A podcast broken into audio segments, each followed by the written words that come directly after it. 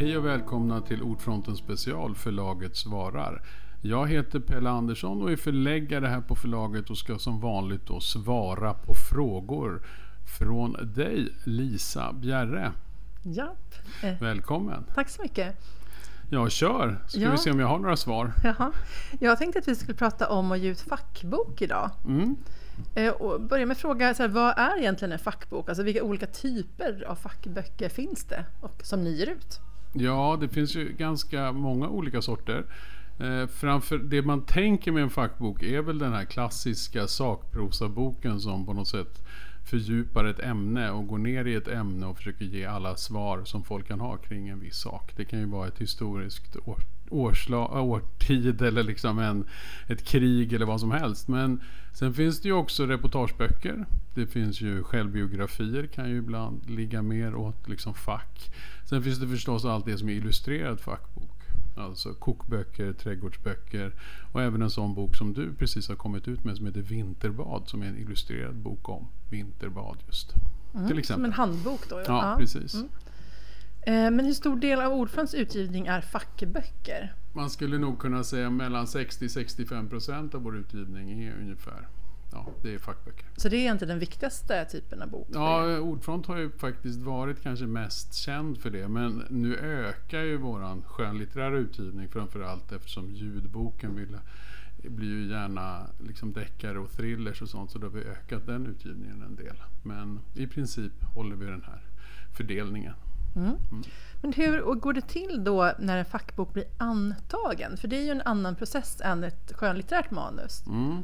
Alltså det händer ju några få gånger att vi får färdiga liksom, fackböcker som skickas in via den vanliga manusinlämningen som det brukar gå till. Men det vanligaste när det kommer till fackböcker det är ju att antingen jag som ringer upp någon som har skrivit något spännande i någon tidning eller så. Och så börjar man då utifrån den där spännande artikeln se om man kan få fram en hel bok om ämnet.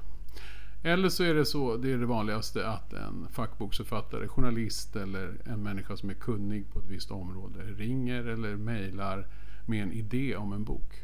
Och sen utifrån det så brukar man liksom, först ska man ju nappa på idén att det är ett bra ämne. Och sen börjar processen. Och processen är ju lite annorlunda.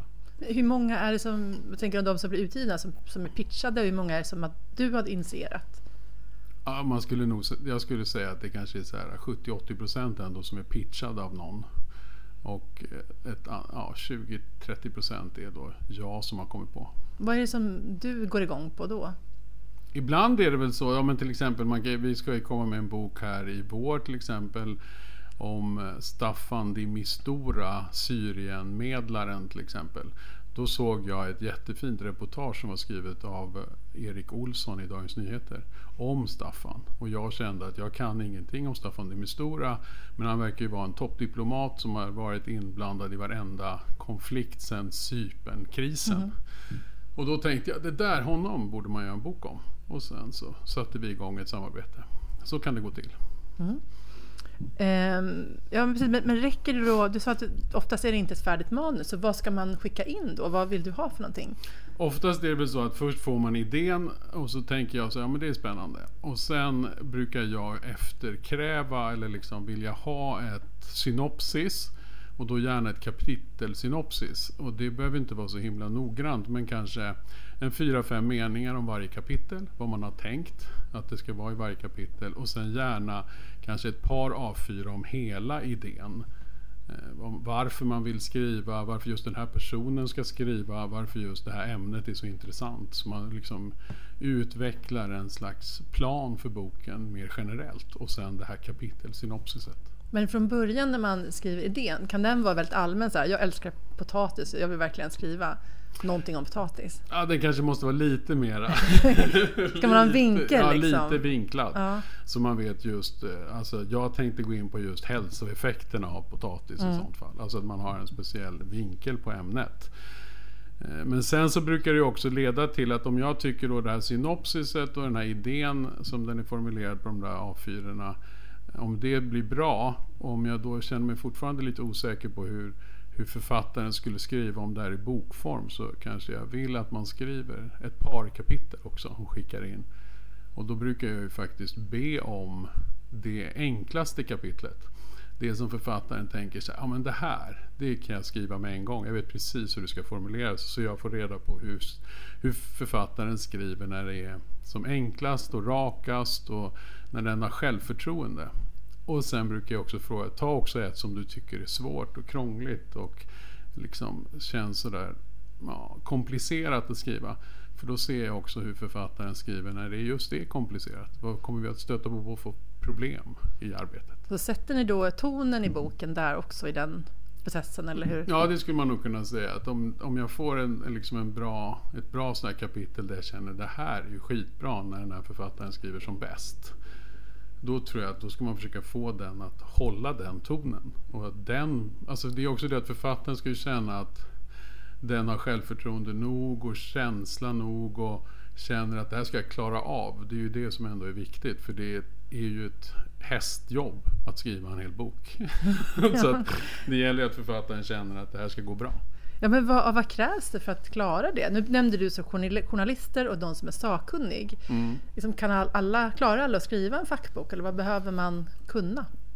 Nej, men det är klart att inte alla klarar av att skriva en fackbok. Men jag tror inte heller att man ska känna att, att väldigt få klarar det. Jag tror att om man verkligen brinner för ett ämne, har en väldigt bra idé, då, då tror jag att de flesta kan göra det. Sen så är det väl det att man måste ju förstås från början ha det här drivet, lusten, viljan.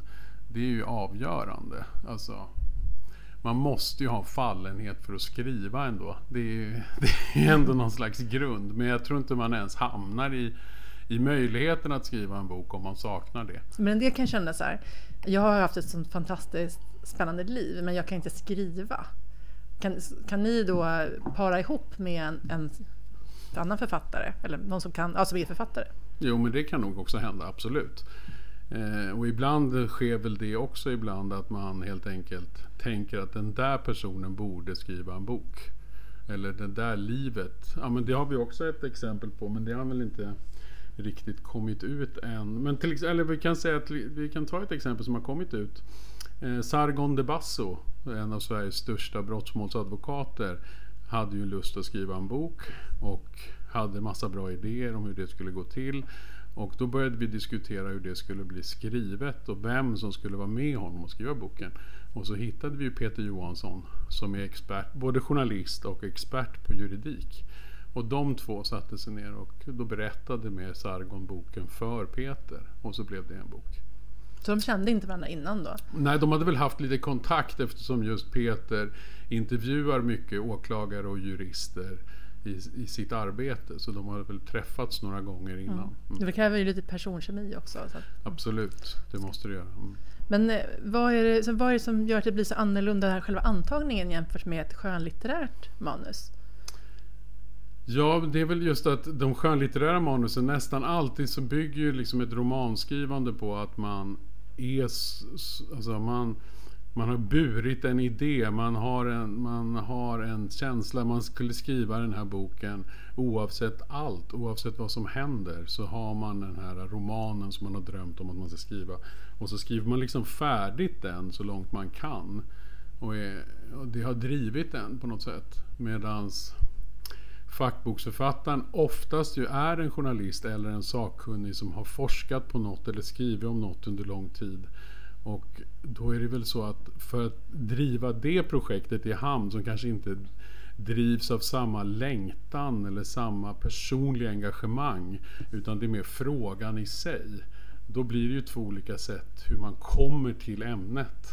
Och då blir det väl att man först vill kolla att det finns ett intresse. Eh, romanskrivandet kan ju ha helt andra grunder. De kan ju vara terapeutiska eller det kan finnas en lust att bara leka med språket och orden. Och då har man ägnat sig åt det oavsett om det blir utgivet eller inte. Men jag tänker att om man, när man pratar om att anta skönlitterära manus på bara en pitch så svarar ju många så här, men vi vill se att du kan skriva klart. Men vill du inte se att en fackboksförfattare kan skriva klart? Alltså oftast så är det väl så att de här fackboksmanusarna kommer från människor som är journalister. Alltså det är nästan Ja, det är nästan alla skulle jag tro. Eller att man är forskare på universitetet och så. Och då tänker jag att det blir ju klart. Alltså man, man vet att det här är det här ämnet. Och man kanske, förstås kan man ju vara olika duktiga på att skriva. Och vissa manus blir bättre än andra. Men det är ändå så att nivån från början är relativt hög, tänker jag. Att man är ändå så pass skicklig. Mm. Så man har också erfarenhet då. Mm. Men eh, du, du låter ju lite ensam nu när du beskriver din process. Men det finns, finns det fler på förlaget som tycker till i den här Absolut. antagningsprocessen? jo, det gör det ju. Absolut. Och det är väl det är också det att just det är därför jag vill ha det här uh, synopsiset och den utförliga idén på papper så att, vi kan, så att jag kan komma med den idén till ett utgivningsmöte.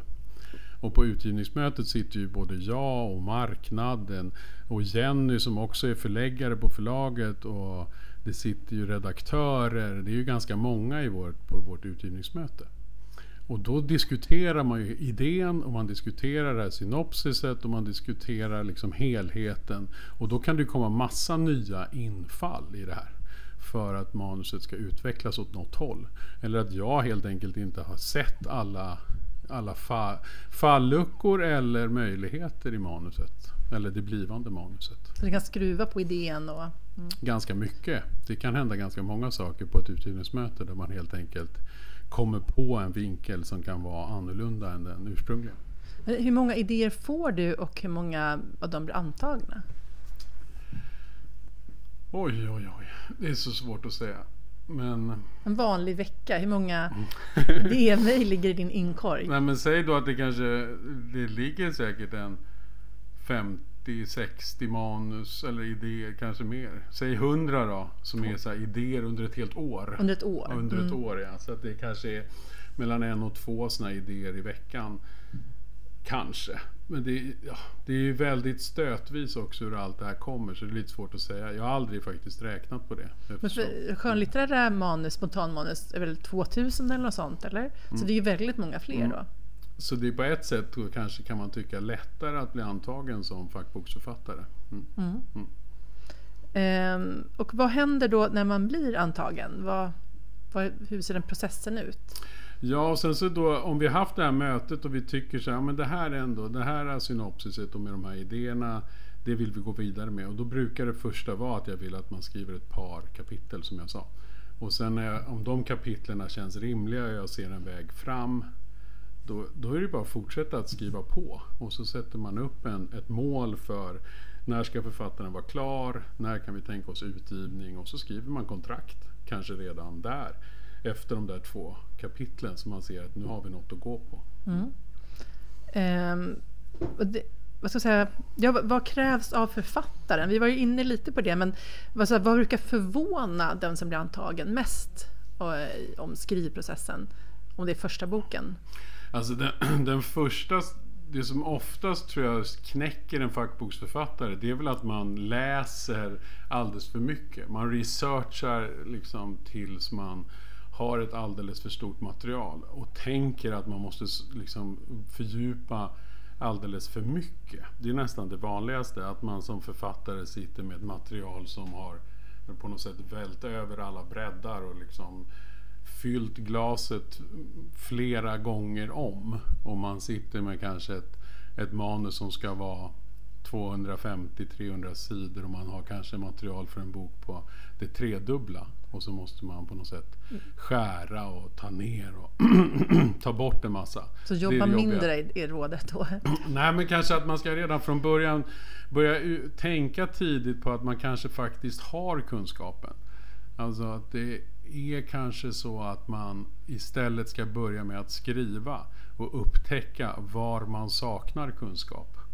Och sen ta reda på just den kunskapen, den faktan som man faktiskt saknar.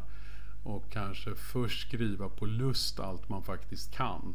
Och sen börja titta i efterhand sen när man börjar få ungefär ett, ett rimligt manus och börja se då, ja men här är det luckor, här saknas det saker, här måste jag läsa på mer, här måste mm. jag ringa en ny expert och så vidare. Mm. Ja, det låter som ett väldigt bra råd. Mm. Eh, men, ja, men precis vad, um, vad ska man säga, och sen när man blir klar då, eller hur, liksom, skick, skickas det kapitel för kapitel Ja, men det brukar, väl, det brukar ju vara lite olika hur, hur författaren vill göra. Men ofta så kan man väl säga att det kan vara så att man kanske vill skicka någon gång till några kapitel till. Kanske sådär så man har en fem, sex stycken. Så man känner att man kanske har en tredjedel eller uppåt halva boken. Det kanske går mer i processvägen att jag läser kapitel för kapitel.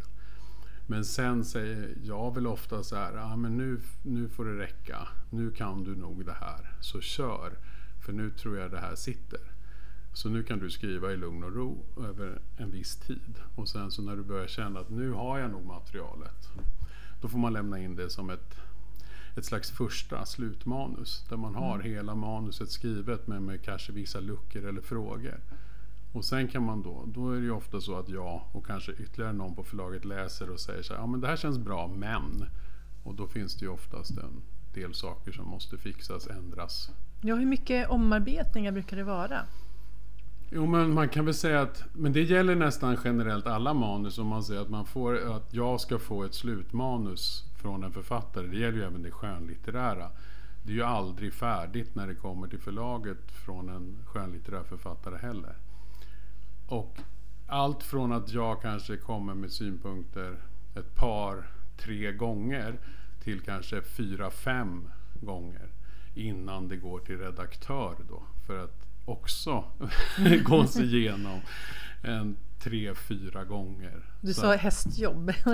ja men det är ju det. Det blir ju det. Så att det är många gånger man får skriva om och skriva om och skriva om. Eller skriva igenom. Eller i alla fall ändra delar. Vissa kapitel kan ju kanske skrivas om många gånger. Andra känns färdiga redan från början. Så att, mm. Men hur vanligt är det att man inte går i mål? alltså jag vet, jag vet ärligt talat. Alltså det kanske finns ett par projekt under mina 13 år som liksom aldrig blev färdigt. Men då har det oftast liksom på något sätt tappat fart på ett så pass tidigt stadium som man inte ens är nära.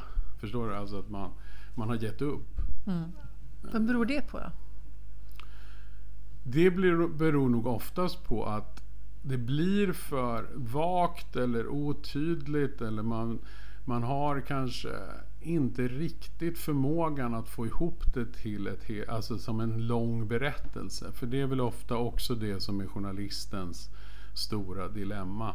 Om man nu tar ett annat problem som journalister har, det är att man då samlar tio kapitel som är tio reportage eller tio artiklar, bara lite längre bredvid varann. Och att man tappar bort det som är den långa berättelsen. Alltså för en, även en fackbok ska ju bäras av en, en lång tankegång eller en lång berättelse. Det som är berättelsens röda tråd. Och tappar man bort den och det bara blir 10-15 kapitel uppradade efter varann. Eller 10 reportage efter varann eller så. Då brukar det, och om inte det där kommer tidigt i processen då, då, brukar det oftast leda till att man inte heller hittar den och att hela projektet faller. Mm. Men nästan alltid så tycker jag nog att vi liksom jobbar på och jobbar fram ett manus. Om vi har sagt att det ska bli en bok så blir det oftast en bok. Ja. ja. Men där, en, en, annan fundering här i och med att eh, Ordfront, ni har ju en, ändå en politisk ställningstagande, eller att ni har en, ni kallar det för radikalt förlag, eller hur?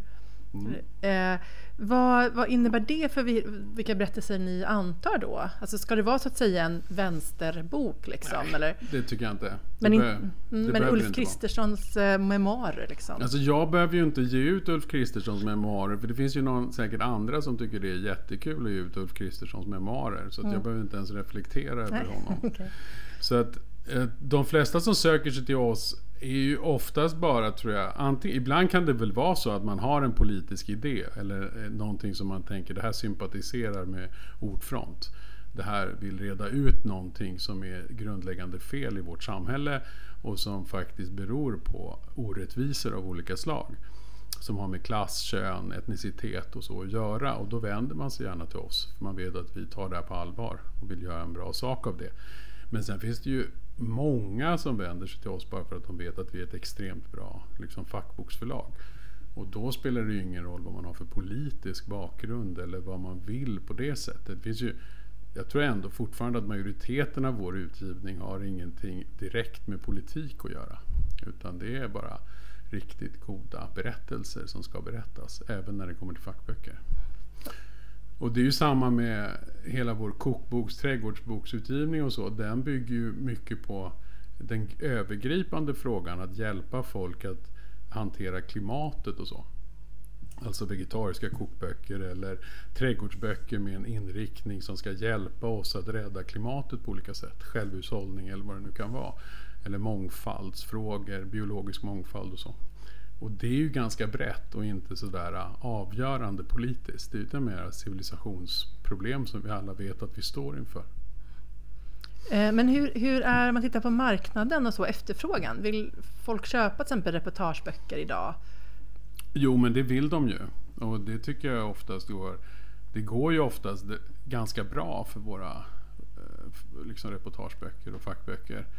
Eh, Vad innebär det att det går bra? I många... Ja, men det är väl så att en bok för att den ska gå runt måste ju sälja cirka 3000 exemplar.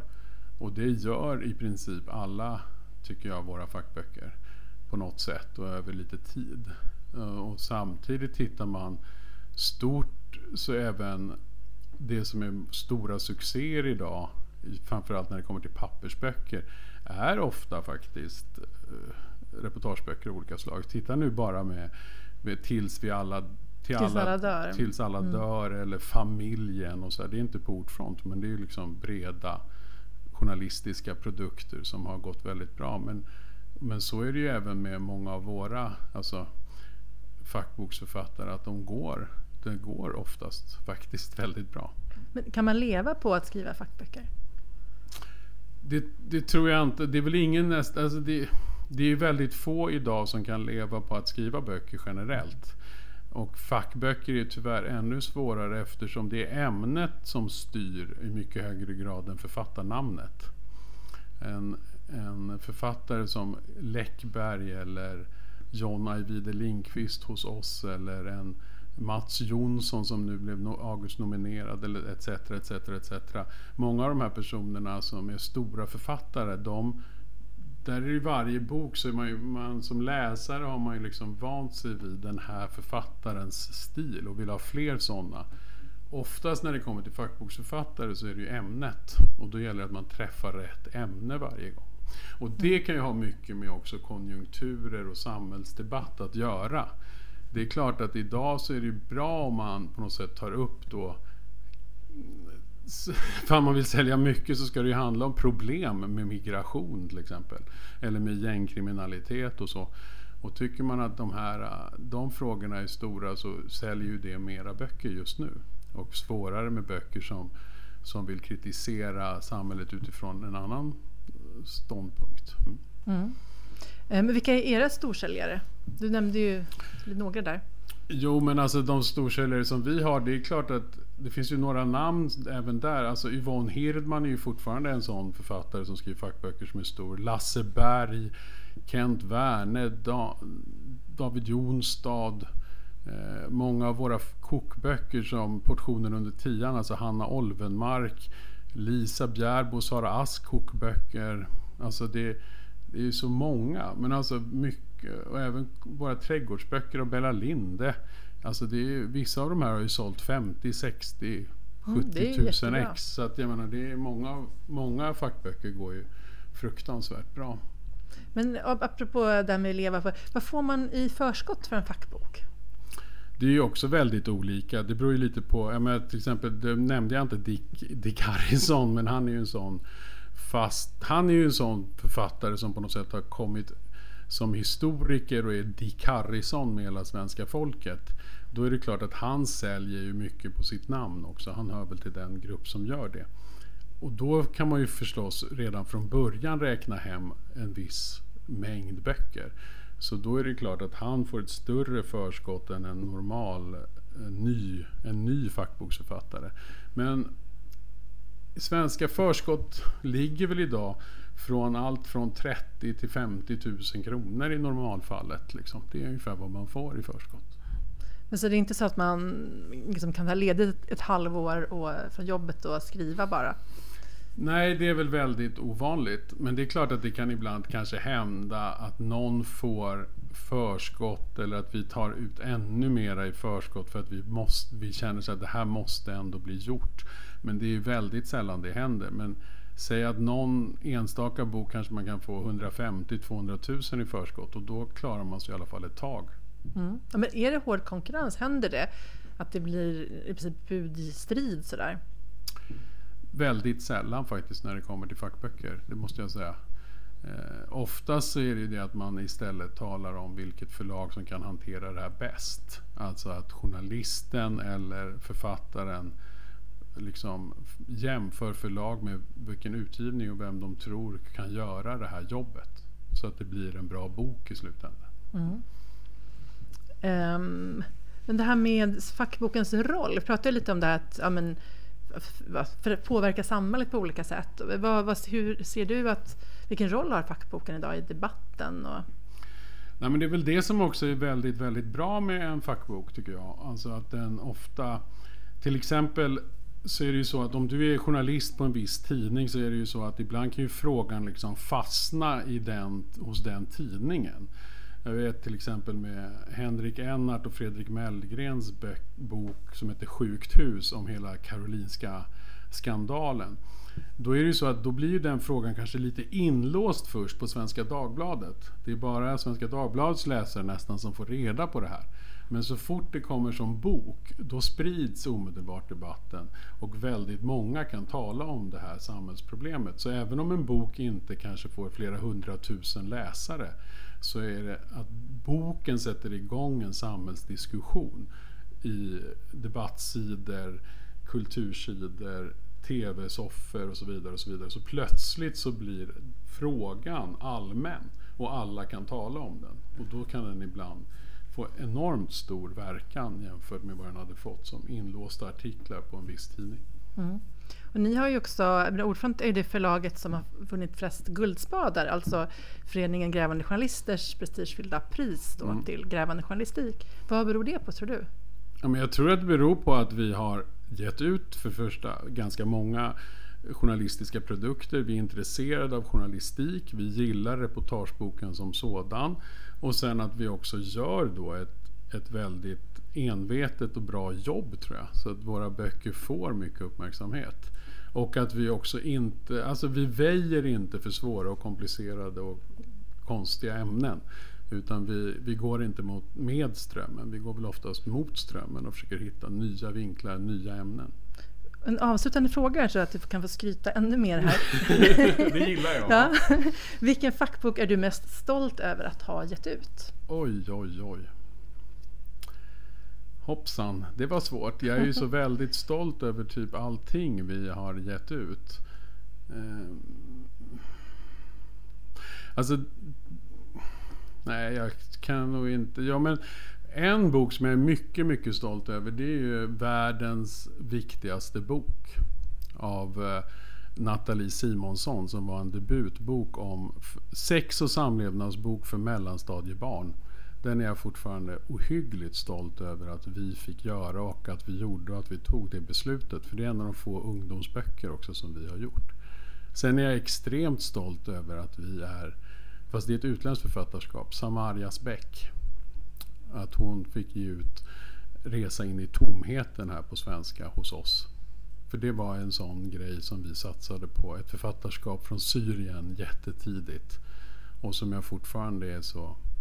Ja, jag kan nästan bli så här tårögd när jag tänker på hur fint det är att få vara Samaria Specks förläggare mm. i Sverige. Mm. Ett boktips också på mm, köpet. Mm, verkligen. Ja. Tack så mycket. Tack. Ja, det var allt för Ordfronten specialförlaget svarar för den här gången. Men vi återkommer med nya förlaget svarar. Tack Lisa! Tack!